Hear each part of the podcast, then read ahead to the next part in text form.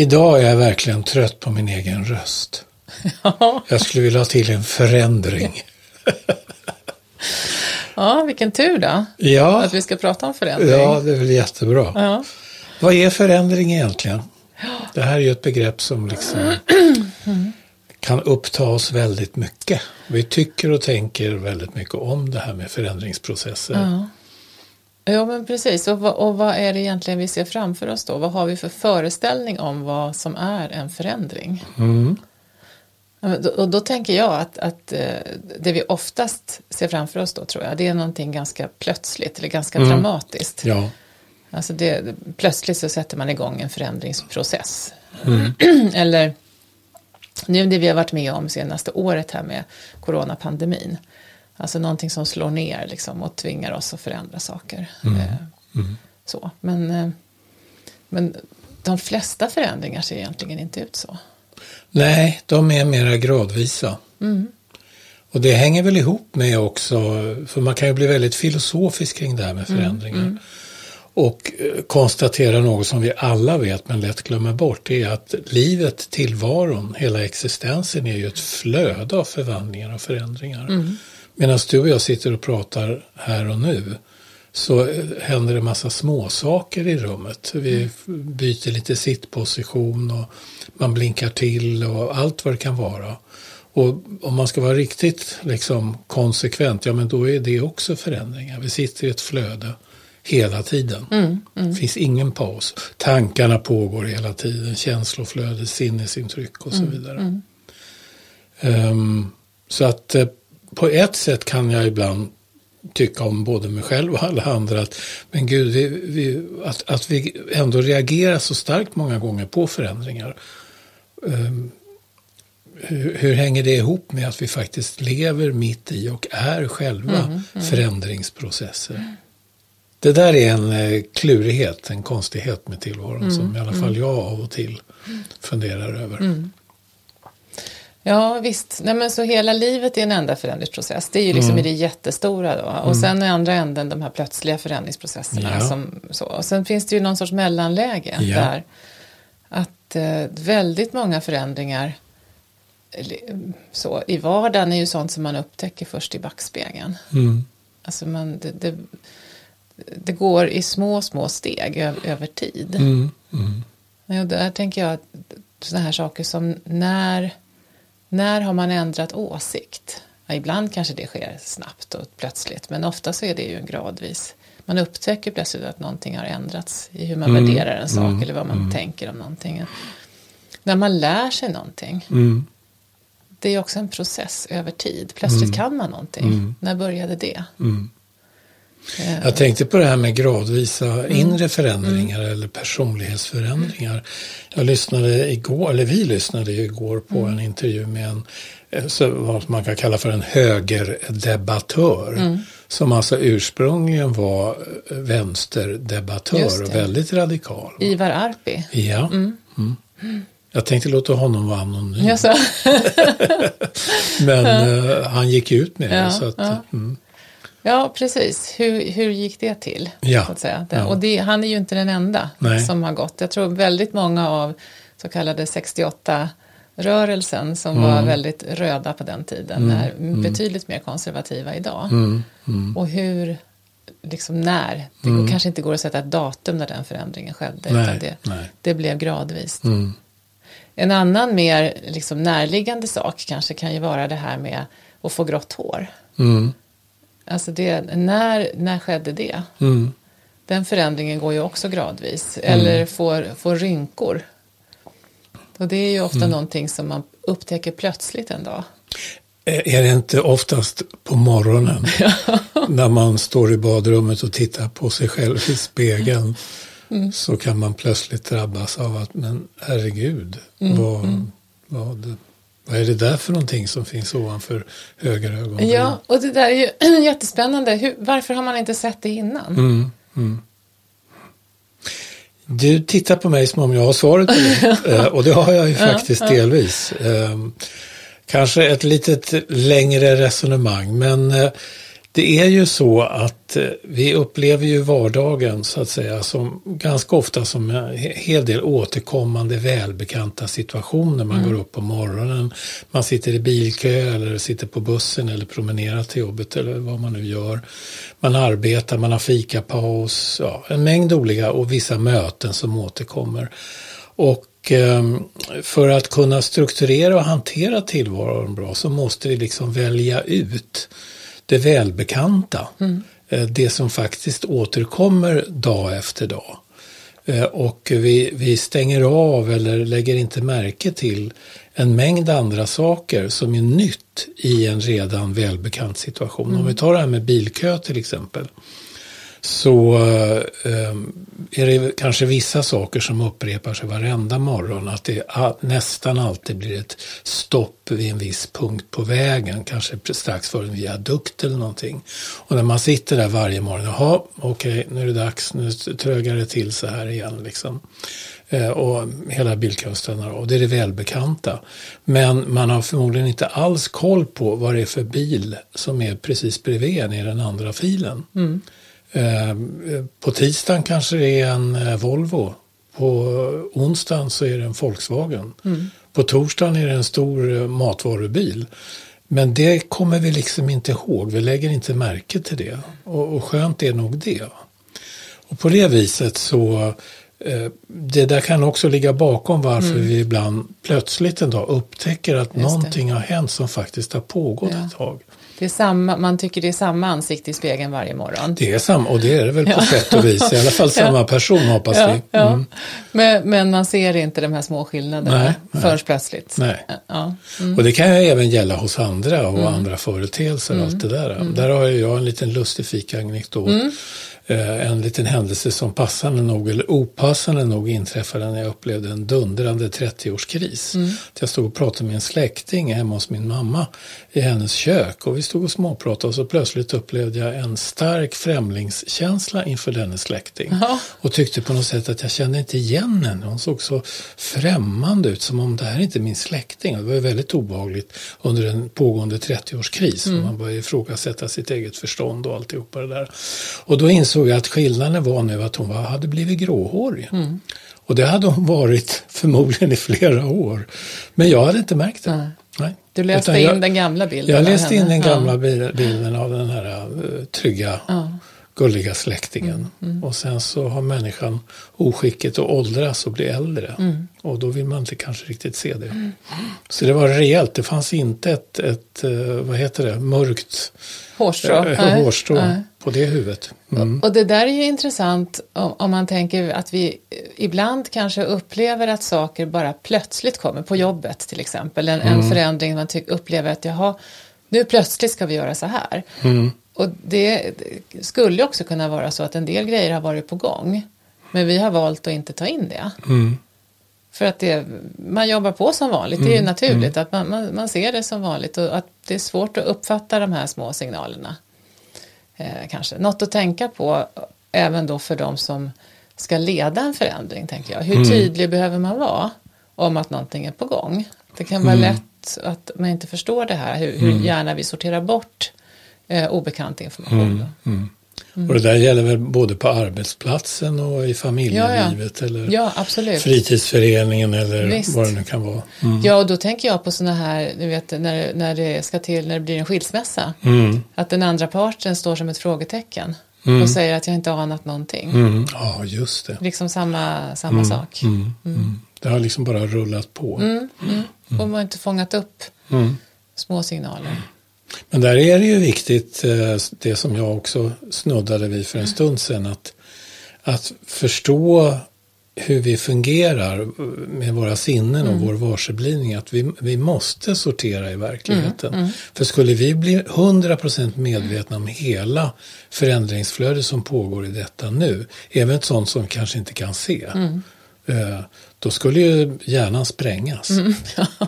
ja. Nej, men visst. Och då blir det riktig kris. Ja, då blir det kris. Det är en rejäl ja. livskris. Ja. Mm. En annan sak som har bäring på det här, eh, jag läste i tidningen, eller det var vi många som gjorde här för, för ett par veckor sedan, om att det var så väldigt mycket olyckor på isen i år. Ja. Ja. Även erfarna människor som var vana att, att bedöma is hade gått ut och, och förolyckats. Eh, och då var det experter kring det här med isar då som, som konstaterade att eh, den kunskap som man kanske tycker sig ha sedan gammalt den, är inte, den fungerar inte idag Nej. för att isarna beter sig så annorlunda.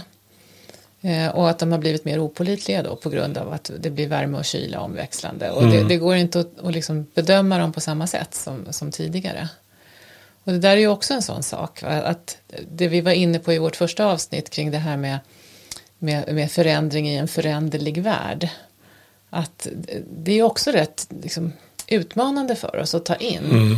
hur vår kunskap relaterar till det sammanhang vi finns i. Har det förändrats allt för mycket då, då kanske vi behöver uppdatera oss. Mm, och det, det, är mm. inte heller så himla lätt att ha koll på jämt. Eh, jag tycker det här var ett tragiskt exempel på det.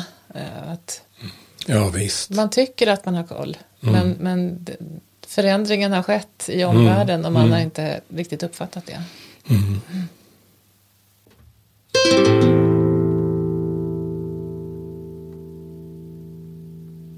Ja, så det här med, med liksom de långsamma små stegen och utmaningen att, att uppfatta det mm. är, är liksom den ena. Och sen tänker jag också det här med, med det kontinuerliga, för jag, jag, uppfattar också att, att jag och många med mig kan ha den här känslan av när det är förändring på gång att det här, här gäller det bara att sitta still i båten så går det över. alltså att, ja. att förändring, ja. särskilt som förändring som man inte gillar själv mm, då, mm. att det här, låt det här gå över, sen blir det lugnt. Mm. Och att, tänker, det är också en illusion. Naturligtvis är det inte alltid omvälvande, dramatiska förändringar på gång. Mm. Men, men liksom idén om att någonting någonsin blir statiskt och still, det är en illusion. Jag suckar djupt. Ja. Mm. ja, det är också lite lustigt, det är mycket som är lustigt kring det här. Att vi mm. har, vi har eh, mm, lite svårt att, att förstå riktigt, mm. tror jag. Och händer ingenting, mm. då får vi spel. Ja, ja. Mm. Ja, och, men visst. Och blir kränkta utav livet som ja. inte erbjuder oss en massa spännande ja, saker ja. hela tiden. Men just för att det här är så genomgående då, förändring är något vi inte kommer undan och det är inte alltid dramatiskt eh, och det är inte alltid så påtagligt utan det, det tuffar på. Mm. Liksom. Men just därför så är det viktigt att vi förstår oss på lite grann vad det kan innebära och, och också hur, hur, vi kan reagera. Mm. Mm.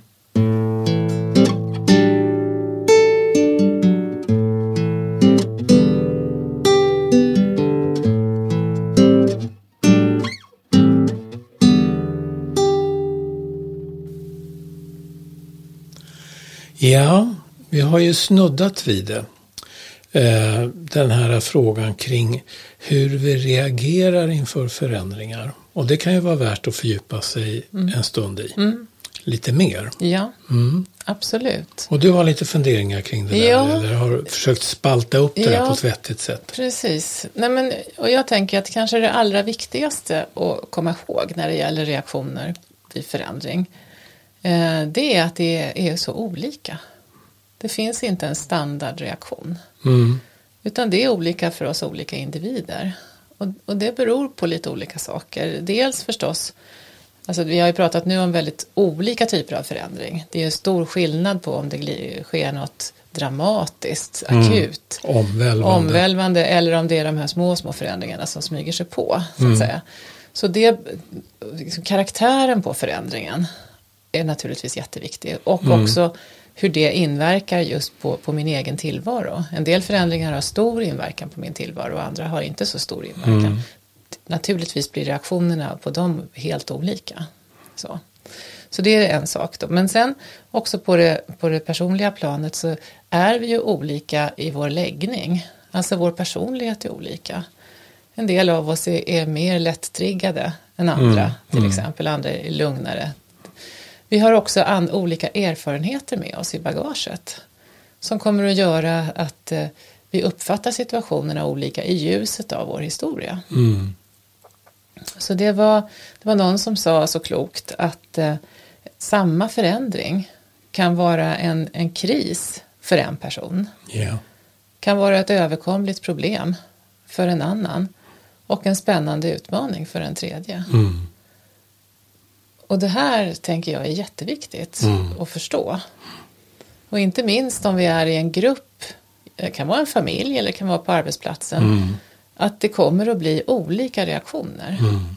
För ofta så utgår vi ju från oss själva som norm och tänker att rätt reaktion eller normal reaktion och så, den står jag för. och, och de andra är konstiga. Men att, att förstå komplexiteten i, i allt som ligger bakom hur reaktionen blir. Mm. Och ha en, en respekt och, och liksom lite ödmjukhet inför det. Tänker jag är jätteviktig. Så man kan tänka sig ett scenario då med en projektgrupp på någon given arbetsplats där det införs någon form av förändring som påverkar den här projektgruppens arbetsmetod ganska ordentligt. Och om de är fem personer så är det två stycken som krisar. Och tre stycken som tycker att det här ska bli en spännande utmaning.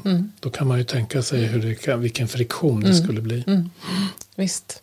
Och att då hitta det här du pratar om, den ömsesidiga respekten och kunna se eh, att, att det är ingen reaktion som är liksom ful eller fel eller så, utan det gäller att undersöka det. Ja. Och här kan det ju vara viktigt med, eh, liksom också för att förstå sig själv, att se lite grann hur kommer det sig att jag reagerar så här. Ibland så kan det vara till god hjälp då, att jag förstår mig själv i relation till andra lite bättre. Och det gäller ju inte bara de givna individerna som krisar. Nej, nej. Utan det kan även gälla den som får en väldigt spontan positiv Mm, reaktion. Att, att um, det kan även vara viktigt där att lite grann, okej, vad kommer det här sig nu då? Mm, att jag blir så, när de andra och så vidare. Alltså Mm. på det sättet. Men där är det viktigt med den här gemensamma reflektionen. Men det ska vi återkomma till Det senare. återkommer vi till, ja. För att nära kopplat då till det här med olikheter och det vi var inne på, det, det, liksom är det en kris eller en utmaning då, eller är det något roligt eller något jobbigt, så, så ligger ju den här andra grundläggande faktorn eh, i hur vi svarar, reagerar på förändring. Och det är att, att vi har dubbla känslor. Det man brukar kalla för ambivalens. Ja. Alltså, och och det, det är ju väldigt intressant tycker jag, att, att det är så. Att, att det gäller faktiskt både den typen av förändring som jag så att säga själv har drivit på. Mm. Idéer jag får om att göra en förändring och så har jag möjlighet att göra det. Och sånt som jag så att säga blir utsatt för. sånt som jag kanske inte alls har bett om själv, men, men hamnar i en förändringsprocess. På jobbet eller, eller privat. Då. Så att vi, vi kommer att ha i varierande grad då, både mer positiva och mer om man säger negativa eller mer liksom tveksamma eh, känslor inför det här. Och det var just oavsett om man själv har så att säga drivit Mm. på och initierat förändringen eller om man så att säga inom citationstecken blir, blir utsatt för den eller är mera maktlös Mm. Just inför det. den. Apropå självinitierade förändringar som ändå kan ge upphov till ambivalenta känslor så tänker jag på att eh, vi bodde ju i Stockholm i många år Mm. och sen för 17 år sedan så flyttade vi till Gotland. Just det. Och då har jag just den här minnesbilden när vi sitter på färjan Mm. och vi får ögonkontakt och båda så att säga inser att vi har köpt enkel biljett Ja. och det är ingen återvändo. Nej. Och då fylldes ju vi utav en, ja vad ska vad är ett bra ord för Ja, det? jag vet, någon sorts bävan, så kanske. Ja. Trots att det var positivt Ja, ja. liksom det var så himla, vi var jätteglada, ungarna var jätteglada och så, men mitt i det, någon sorts sån där, "Åh, oj, mm. Och jag kan inte minnas att den där bävanskänslan var så här väldigt konkret typ eh, hur kommer det att gå med jobb, hur kommer det Nej. ditten och datten och barnen ska börja ny skola. Utan det var på någon väldigt så här existentiell ordlös Mm, nivå. Att det var bara en slags svindel. Liksom. Ja, och, och sen tankar förstås, vad var det vi lämnade bakom oss? Mm. Många nära vänner och så. Nu är det ju, Gotland ligger ju ganska nära fastlandet ändå, Ja. så att det är ju inte som att man emigrerar. Men ändå känslan av att, att det är ett eh, vardagsliv som vi uppskattade väldigt mycket, som, som man eh, lämnar bakom sig för Mm. Ja. något man inte riktigt vet hur det ska bli. Det här är ett exempel på en förändring som man själv eh, vill och förverkligar. Mm. Eh, Sen finns ju förändringar som vi inte önskar. Mm. eh, Som vi känner liksom starkt emot. Både på jobbet och på det, i det privata Oh ja. planet. Någonting som vi alla har blivit berörda av då under, som sagt, under senaste året. Det här med, med corona och, de restriktioner och de ändrade arbetssätt Mm. som har följt i spåren då eh, är det ju många som har upplevt som väldigt negativt också. Man har blivit begränsad på olika sätt och eh, man har inte kunnat träffas som vanligt, man kanske inte kan mötas som vanligt på jobbet och så vidare. Mm. Men, men där i det sammanhanget också av, av de negativa konsekvenserna så upptäcker ju många också då samtidigt nya möjligheter. Mm.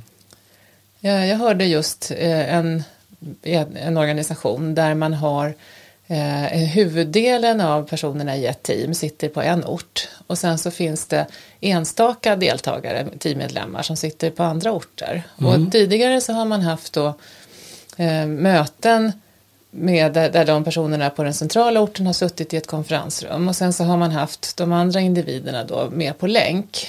Eh, så, och löst det på det sättet. Och nu under corona så har man då haft alla på länk, så att säga. alla ja. har suttit i, i Zoom eller Teams-möten. Mm. Eh, och plötsligt så kände de så att, att det här blev något jättepositivt. De har lärt känna varandra och, och de som satt på länk tidigare blir mycket mer en del i teamet.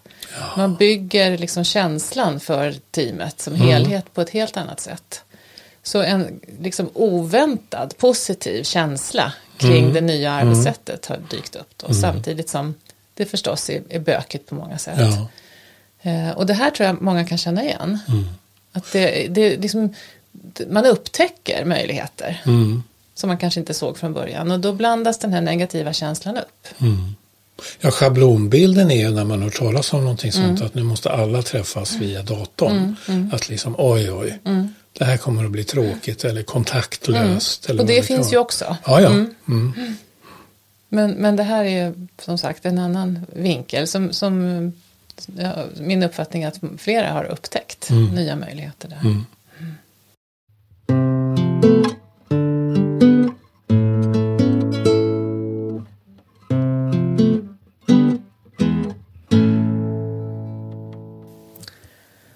En, annan typisk sak det är att vi pendlar i förhållningssätt och känslor. Mm. Det här upp och ner och fram och tillbaka i, i de här olika känslorna som drar igen. Det blir som en pendling. Så. Och eh, eh, i och med att vi reagerar, vi är olika personer som, som det här vi tar förändringen på olika sätt så kommer vi också pendla på olika sätt. Mm. Så är man en grupp människor som, som tillsammans går igenom en, en förändringsprocess av något slag, det kan vara en familj eller på jobbet och så, så, så kommer vi att pendla i olika takt. När några är på topp och tycker yes, liksom, det här blir spännande, så kanske andra är nere i, oh, undrar hur det här blir och det här, oj oj oj, skulle vi ha gjort så här egentligen? Eller så. Och, och tvärtom. Så att, och det i sin tur eh, kan väldigt lätt skapa friktion. Då kan man bli väldigt irriterad när någon annan är någon annanstans. Jag förstår inte, vad håller du på med? Nu, det här känns ju jättebra nu, varför är du så sur? Eller, eller tvärtom. Hur kan du vara så himla glad och uppåt? Det här är ju inte alls, känns ju inte bra alls. Eh, och, och det här är viktigt att vara medveten om också. Att, att det, det kommer, i de flesta förändringsprocesser så, så uppstår en del friktion. För det är någonting nytt och olikt. Någonting nytt som vi ska försöka ta in. Och det, det blir lite gnissel. Mm. Och, och det intressanta är ju också att, att när vi är, står inför någonting nytt så blir det ju en viss eh, påfrestning på oss. Alltså vi måste förhålla oss till någonting nytt. Och, och, och eh, när vi får en, den typen av påfrestning eller stress eh, i vårt system så har vi en tendens att smalna av perspektivet och vända oss inåt i oss själva. Och, bli lite mer självcentrerade som vi har pratat om i tidigare avsnitt här. Och att, att vi, vi utgår lite mer från oss själva och just som jag nyss sa det här med att vi själva använder oss själva som norm lite mer. Vi kanske också eh, liksom tappar lite det bredare perspektivet. Faller liksom inåt i oss själva. Och där finns ju också en risk då att vi blir lite mer av oss själva än vad vi brukar vara. Vi, vi brukar prata ibland om att man riskerar att bli en karikatyr av sig Ja, själv. ja. Mm. Och det innebär ju då också att om, jag, om man är en orolig person så kanske man får ångest nu och börjar måla upp massa skräckscenarios eh, och så i, i det här läget. Man, man liksom blir väldigt orolig. Så. Eh, och är man eh, väldigt glad och trevlig och, och så, så kanske man börjar skoja ohämmat. Så, eller att man skojar bort, skämtar bort andras oro då, Mm. till exempel. Eh, och, och ytterligare någon variant på det här kan ju vara att om man vanligtvis eh, är en ganska dominant person så, så börjar man plötsligt liksom ta över möten Mm, och man liksom ja, s- svämmar över andra människor i sin omgivning. Så, så att, liksom hur, vem man nu är från början så blir man lite mer av sig själv. Så. Eh, Och det gör ju förstås att friktionen också kan öka. Irritationen, När, när olikheterna ökar så blir irritationen också större. Och om man är en människa som överhuvudtaget inför påfrestningar har lätt att, vad ska jag säga, dra sig undan eller bli tyst och försagd eller någonting sånt där. Så karikatyren skulle väl vara då att man vägrar delta överhuvudtaget. Man sluter sig verkligen inom sig själv. Och får plötsligt eh, lämnar återbud till vissa möten kanske. Eller dyker bara inte upp Nej. utan förklaring och så vidare. Och blir svårläst. Och då kan andra. det bli något passivt aggressivt över det hela. Kan omgivningen tolka Mm, det som i alla fall. Så att det där, är, ja, det där är väldigt viktigt att ha koll på. Mm. Något annat som man ofta lyfter fram när det gäller förändringsprocesser det är ju det här med motstånd. Att vi människor agerar på sätt som man uppfattar som att vi gör motstånd mot förändring. Mm. Och jag tänker att en, en del av det går att förstå utifrån de här eh, dubbla känslorna, den här ambivalensen. Att vi, vi både vill och inte vill. Mm. Alltså, det, det kan finnas saker som drar åt, åt båda hållen i oss. Det är ungefär som när ungarna är flygfärdiga och ska ut ur hemmet. Ja, Så eh, både vill man det som förälder och samtidigt är det någon sida inom en själv som mm, försöker bromsa. Ja, precis. Man klamrar sig fast liksom, i något som, som man har tyckt om. så. Eh, och, och i det kan ju också ligga en sorts, det här vi pratade om bävan förut, liksom en bävan inför det okända. Ja. Alltså det här gamla talesättet, liksom, att man vet vad man har och inte vad man får. Mm. Jag tror det sitter djupt i oss. Att, att, Ivana Gazarian som vi har, har nämnt i tidigare avsnitt här, hon, hon har ett uttryck som jag gillar och det är det här på tröskeln till det okända. Att när vi känner bävan och, och, och vånda, kanske ångest till och med, inför saker och ting så är det inte så sällan att vi är i en situation där vi står på tröskeln till det okända. Och då slår motståndet till menar du? Ja, eller man liksom pausar. Det, det är väl få av oss som skulle glatt bara kliva rakt ut i något okänt. Så. Eh, Jag tror de här eh, evolutionärt så kan man ju skoja om det då. Att, att eh, de av, i vår art som glatt klev rakt in i det okända, de finns inte kvar längre. Så vi är, vi är ättlingar till dem som tar det lite försiktigt. Ja, ja, just det. Och, och jag tror det här, det, det, så det är liksom en, ja, en sorts inbyggd tvekan inför. Och, och det innebär ju att för att vi ska liksom vara beredda att, att haka på någonting nytt som vi inte riktigt vet hur det kommer att bli så behöver vi ha goda skäl. Ehm, och, och, ja. Så jag tänker också det, det är liksom viktigt att förstå vad som kan ligga i det här motståndet. För ibland kan det låta så, så eh, trist och, och metoder för att hantera förändring kan liksom ibland formuleras som att det gäller att bryta ner motstånd. Och, så. och då tänker jag, då tror jag att man är på fel spår. Ja. Att det handlar om att förstå vad det är som, som får oss att välja en väg framåt istället för den här tryggheten som vi upplever. Jo, och just förstå, eh, på att säga att det är klokt att vara nojig. Alltså det har vi lärt oss genom historien. Eh, apropå då att eh, det gick inte så bra för de som inte var nojiga. eh, men förstå styrkan i det. Alltså att det, det, det är ingen lek när, när vi känner det här eh, starka oron eller farhågorna kring någonting. Att, att vara tolerant mot sig själv och förstå att det här har djupa rötter. Det är ingenting som vi bara har lärt oss eller som är en frukt av att det var någon konstighet redan under ens barndom eller så. Utan det sitter verkligen djupt i kroppen.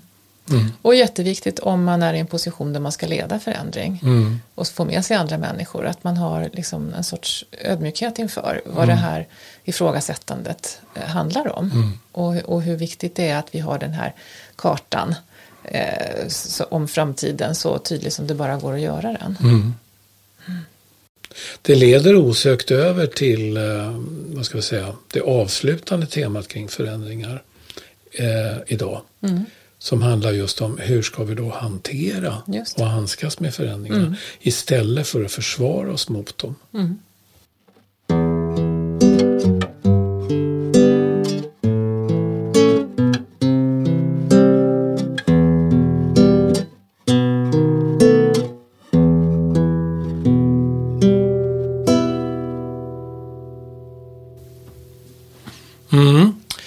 Det första jag kommer att tänka på vad det gäller hur man ska handskas med förändringar det är att man behöver verkligen skapa utrymme för reflektion. Att fundera igenom saker och ting. Och är det på en arbetsplats, i ett team, då gäller det verkligen att man reflekterar tillsammans. Är det i en familj så är det lite grann samma sak där om man står inför en stor förändring. Att man behöver samlas och sitta och prata igenom det. Var och en utifrån sin förmåga, apropå barn då, var och en utifrån sin förmåga och så vidare. Och är det någonting som är väldigt individuellt, något livsval eller någonting, livsfarligt höll jag på att säga, något livsval, Livsval, ja. eh, som egentligen bara involverar en själv på ett sätt och vis då. Att det är bara man själv som kan fatta beslutet. Då gäller det samma sak där, att ta sig tid, ta sig utrymme för att kunna tänka efter en hel del, fundera igenom, ställa olika alternativ mot varandra, allt vad det kan vara. Och det är påfrestande och det är jobbigt. Eh, Men ibland så har man lite tur också att man verkligen känner inom sig själv att det är absolut nödvändigt. Så det blir en slags positiv energi eh, där, när man ser nödvändigheten utav det. Ja, och en sak då är, är ju att man ofta upplever att man inte har tid. Alltså särskilt kanske i förändringsprocesser på jobbet så kan det ju vara så att man, man säger att nej men det, vi hinner inte ha sådana här möten eller så där vi sitter, utan nu måste det här gå lite snabbt. Eh, och, och det är ju risken då att man eh, att det blir väldigt bakvänt. Att man tror att man, att man vinner på att, att bara köra på. Eh, men ofta så, så kör man slut på energin då. Alltså det blir lite grann som, som om man tänker att det, det är himla dumt att, att pausa under Vasaloppet för då kommer jag ju långsammare i mål. Att säga. För, Men för att orka hela sträckan så behöver man stanna och fylla på energi. Och på motsvarande sätt, vi behöver stanna upp och, och, och reflektera. För att orka. Mm. Och, och vad, alltså, när man då reflekterar där, vad, vad behöver man liksom tänka på då? Ja, men det går på något sätt hand i handske med det här behovet av att vidga perspektivet, att se förändringsprocessen i ett större sammanhang. Så det är väl i och för sig, det är väl det området som man till att börja med skulle kunna rikta in tankarna på när man vill ha skapat den här tiden. Eh, att faktiskt eh, försöka se det hela i ett bredare ljus. Eh, för att undvika att hamna i sin egen lilla bubbla och kanske ta saker och ting alldeles för personligt eller hemfalla åt, vad ska jag säga, en oro och farhågor som bygger på en alltför begränsad bild av det hela. Just det. Så det här med att vidga perspektivet är ju superviktigt. Och det, då motverkar man ju också det här vi pratade om tidigare, här, den här tendensen att det smalnar av och att man liksom blir karikatyr av sig själv och allt det där. Att man på något vis öpp, öppnar upp och, och får lite, lite bredare syn på saker och ting. En tredje punkt som blir jätteviktig i det här sammanhanget är ju återhämtningen. Vilan, pausen. Ju intensivare förändringsprocess desto viktigare blir det att skapa utrymme för att vila och få lite distans till hela på olika sätt. Då. Och mycket av det här med återhämtning det pratade vi om förra gången så jag ska inte upprepa allt det. Men bara lyfta fram det igen. Att där har vi en jätte, jätteviktig punkt.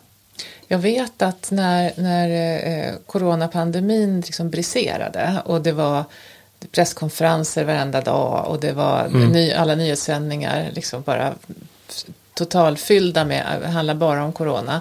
Så då var det ju sådana råd som kom ut som jag tyckte var väldigt klokt. Att man ransonerar sin nyhet, sitt nyhetsintag. Alltså att man inte låter sig dränkas i den här eh, för, den mer dramatiska förändringsprocessen som vi var i och delvis är i nu fortfarande. Och jag tänker att man, det, det finns paralleller i en, en mycket mindre dramatisk sak som en omorganisation på jobbet till exempel. Att om det berör en väldigt, man märker att man snöar in lite grann på man kan inte sluta tänka på det här.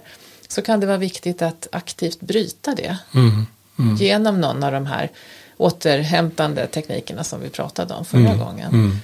För att eh, det blir inte bättre i- om man bara liksom snöar in. Utan man behöver få lite luft för att kunna komma tillbaka och, och tänka och känna eh, på ett vettigt sätt.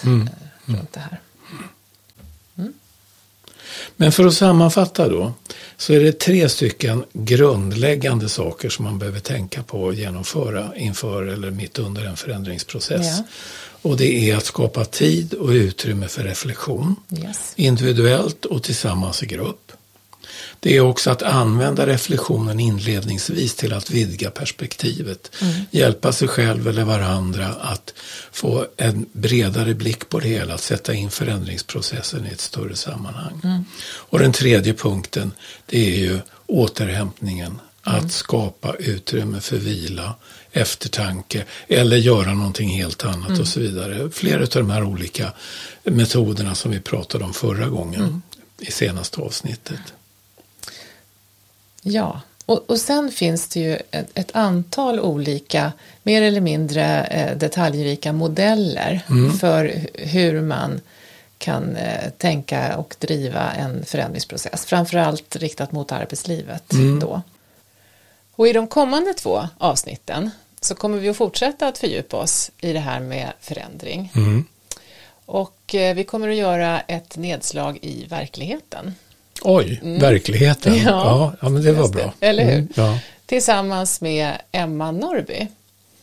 Och Emma hon har en programledarroll inom eh, omställningen till god och nära vård i Region Gotland. Just det. Och vi kommer också att ta hjälp av vår kollega eh, Tor Wennerberg från eh, Sandal Partners i Stockholm. Och tillsammans med honom eh, fundera på ett par användbara modeller för att förstå lite närmare hur, varför det ibland trasslar till sig när vi ska driva förändringsprocesser. Mm. Och till exempel kan man ju fundera på, blir det enklare om vi ser eh, tveksamheter till förändring som en sorts immunitet? Mhm. Oj, ja, det där låter ju i dessa tider som ett väldigt laddat Eller begrepp. hur? Immunitet mot förändring. Mm. Men det är väl så just att Emma kommer vi att träffa nästa gång. Och Ja. gången därpå så träffar vi Tor. Just det. Ja. Och det hänger liksom ihop, ja, alltihopa. så det blir tre avsnitt i och med det här också som Mm. så att säga täcker upp väldigt många aspekter av detta med förändringsprocesser. Då Är vi klara för idag då? Ja, det tror jag. Ja. Så då, tack så mycket för idag. Ja, på återhörande Ja. får man väl säga. Ja. Mm. Hej då. Hej då!